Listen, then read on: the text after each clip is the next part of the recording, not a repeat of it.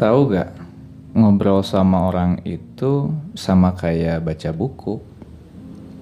Soalnya dari ngobrol sama orang, kita dapat cerita, dapat ilmu, pembelajaran, sama hikmah.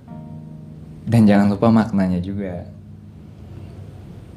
Karena manusia itu adalah buku. Dan pengalaman manusia itu adalah tinta. Assalamualaikum warahmatullahi wabarakatuh.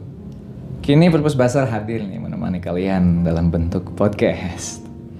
Semoga dari obrolan-obrolan kita ke depannya nih, kita bisa membuat yang seadanya menjadi senyatanya.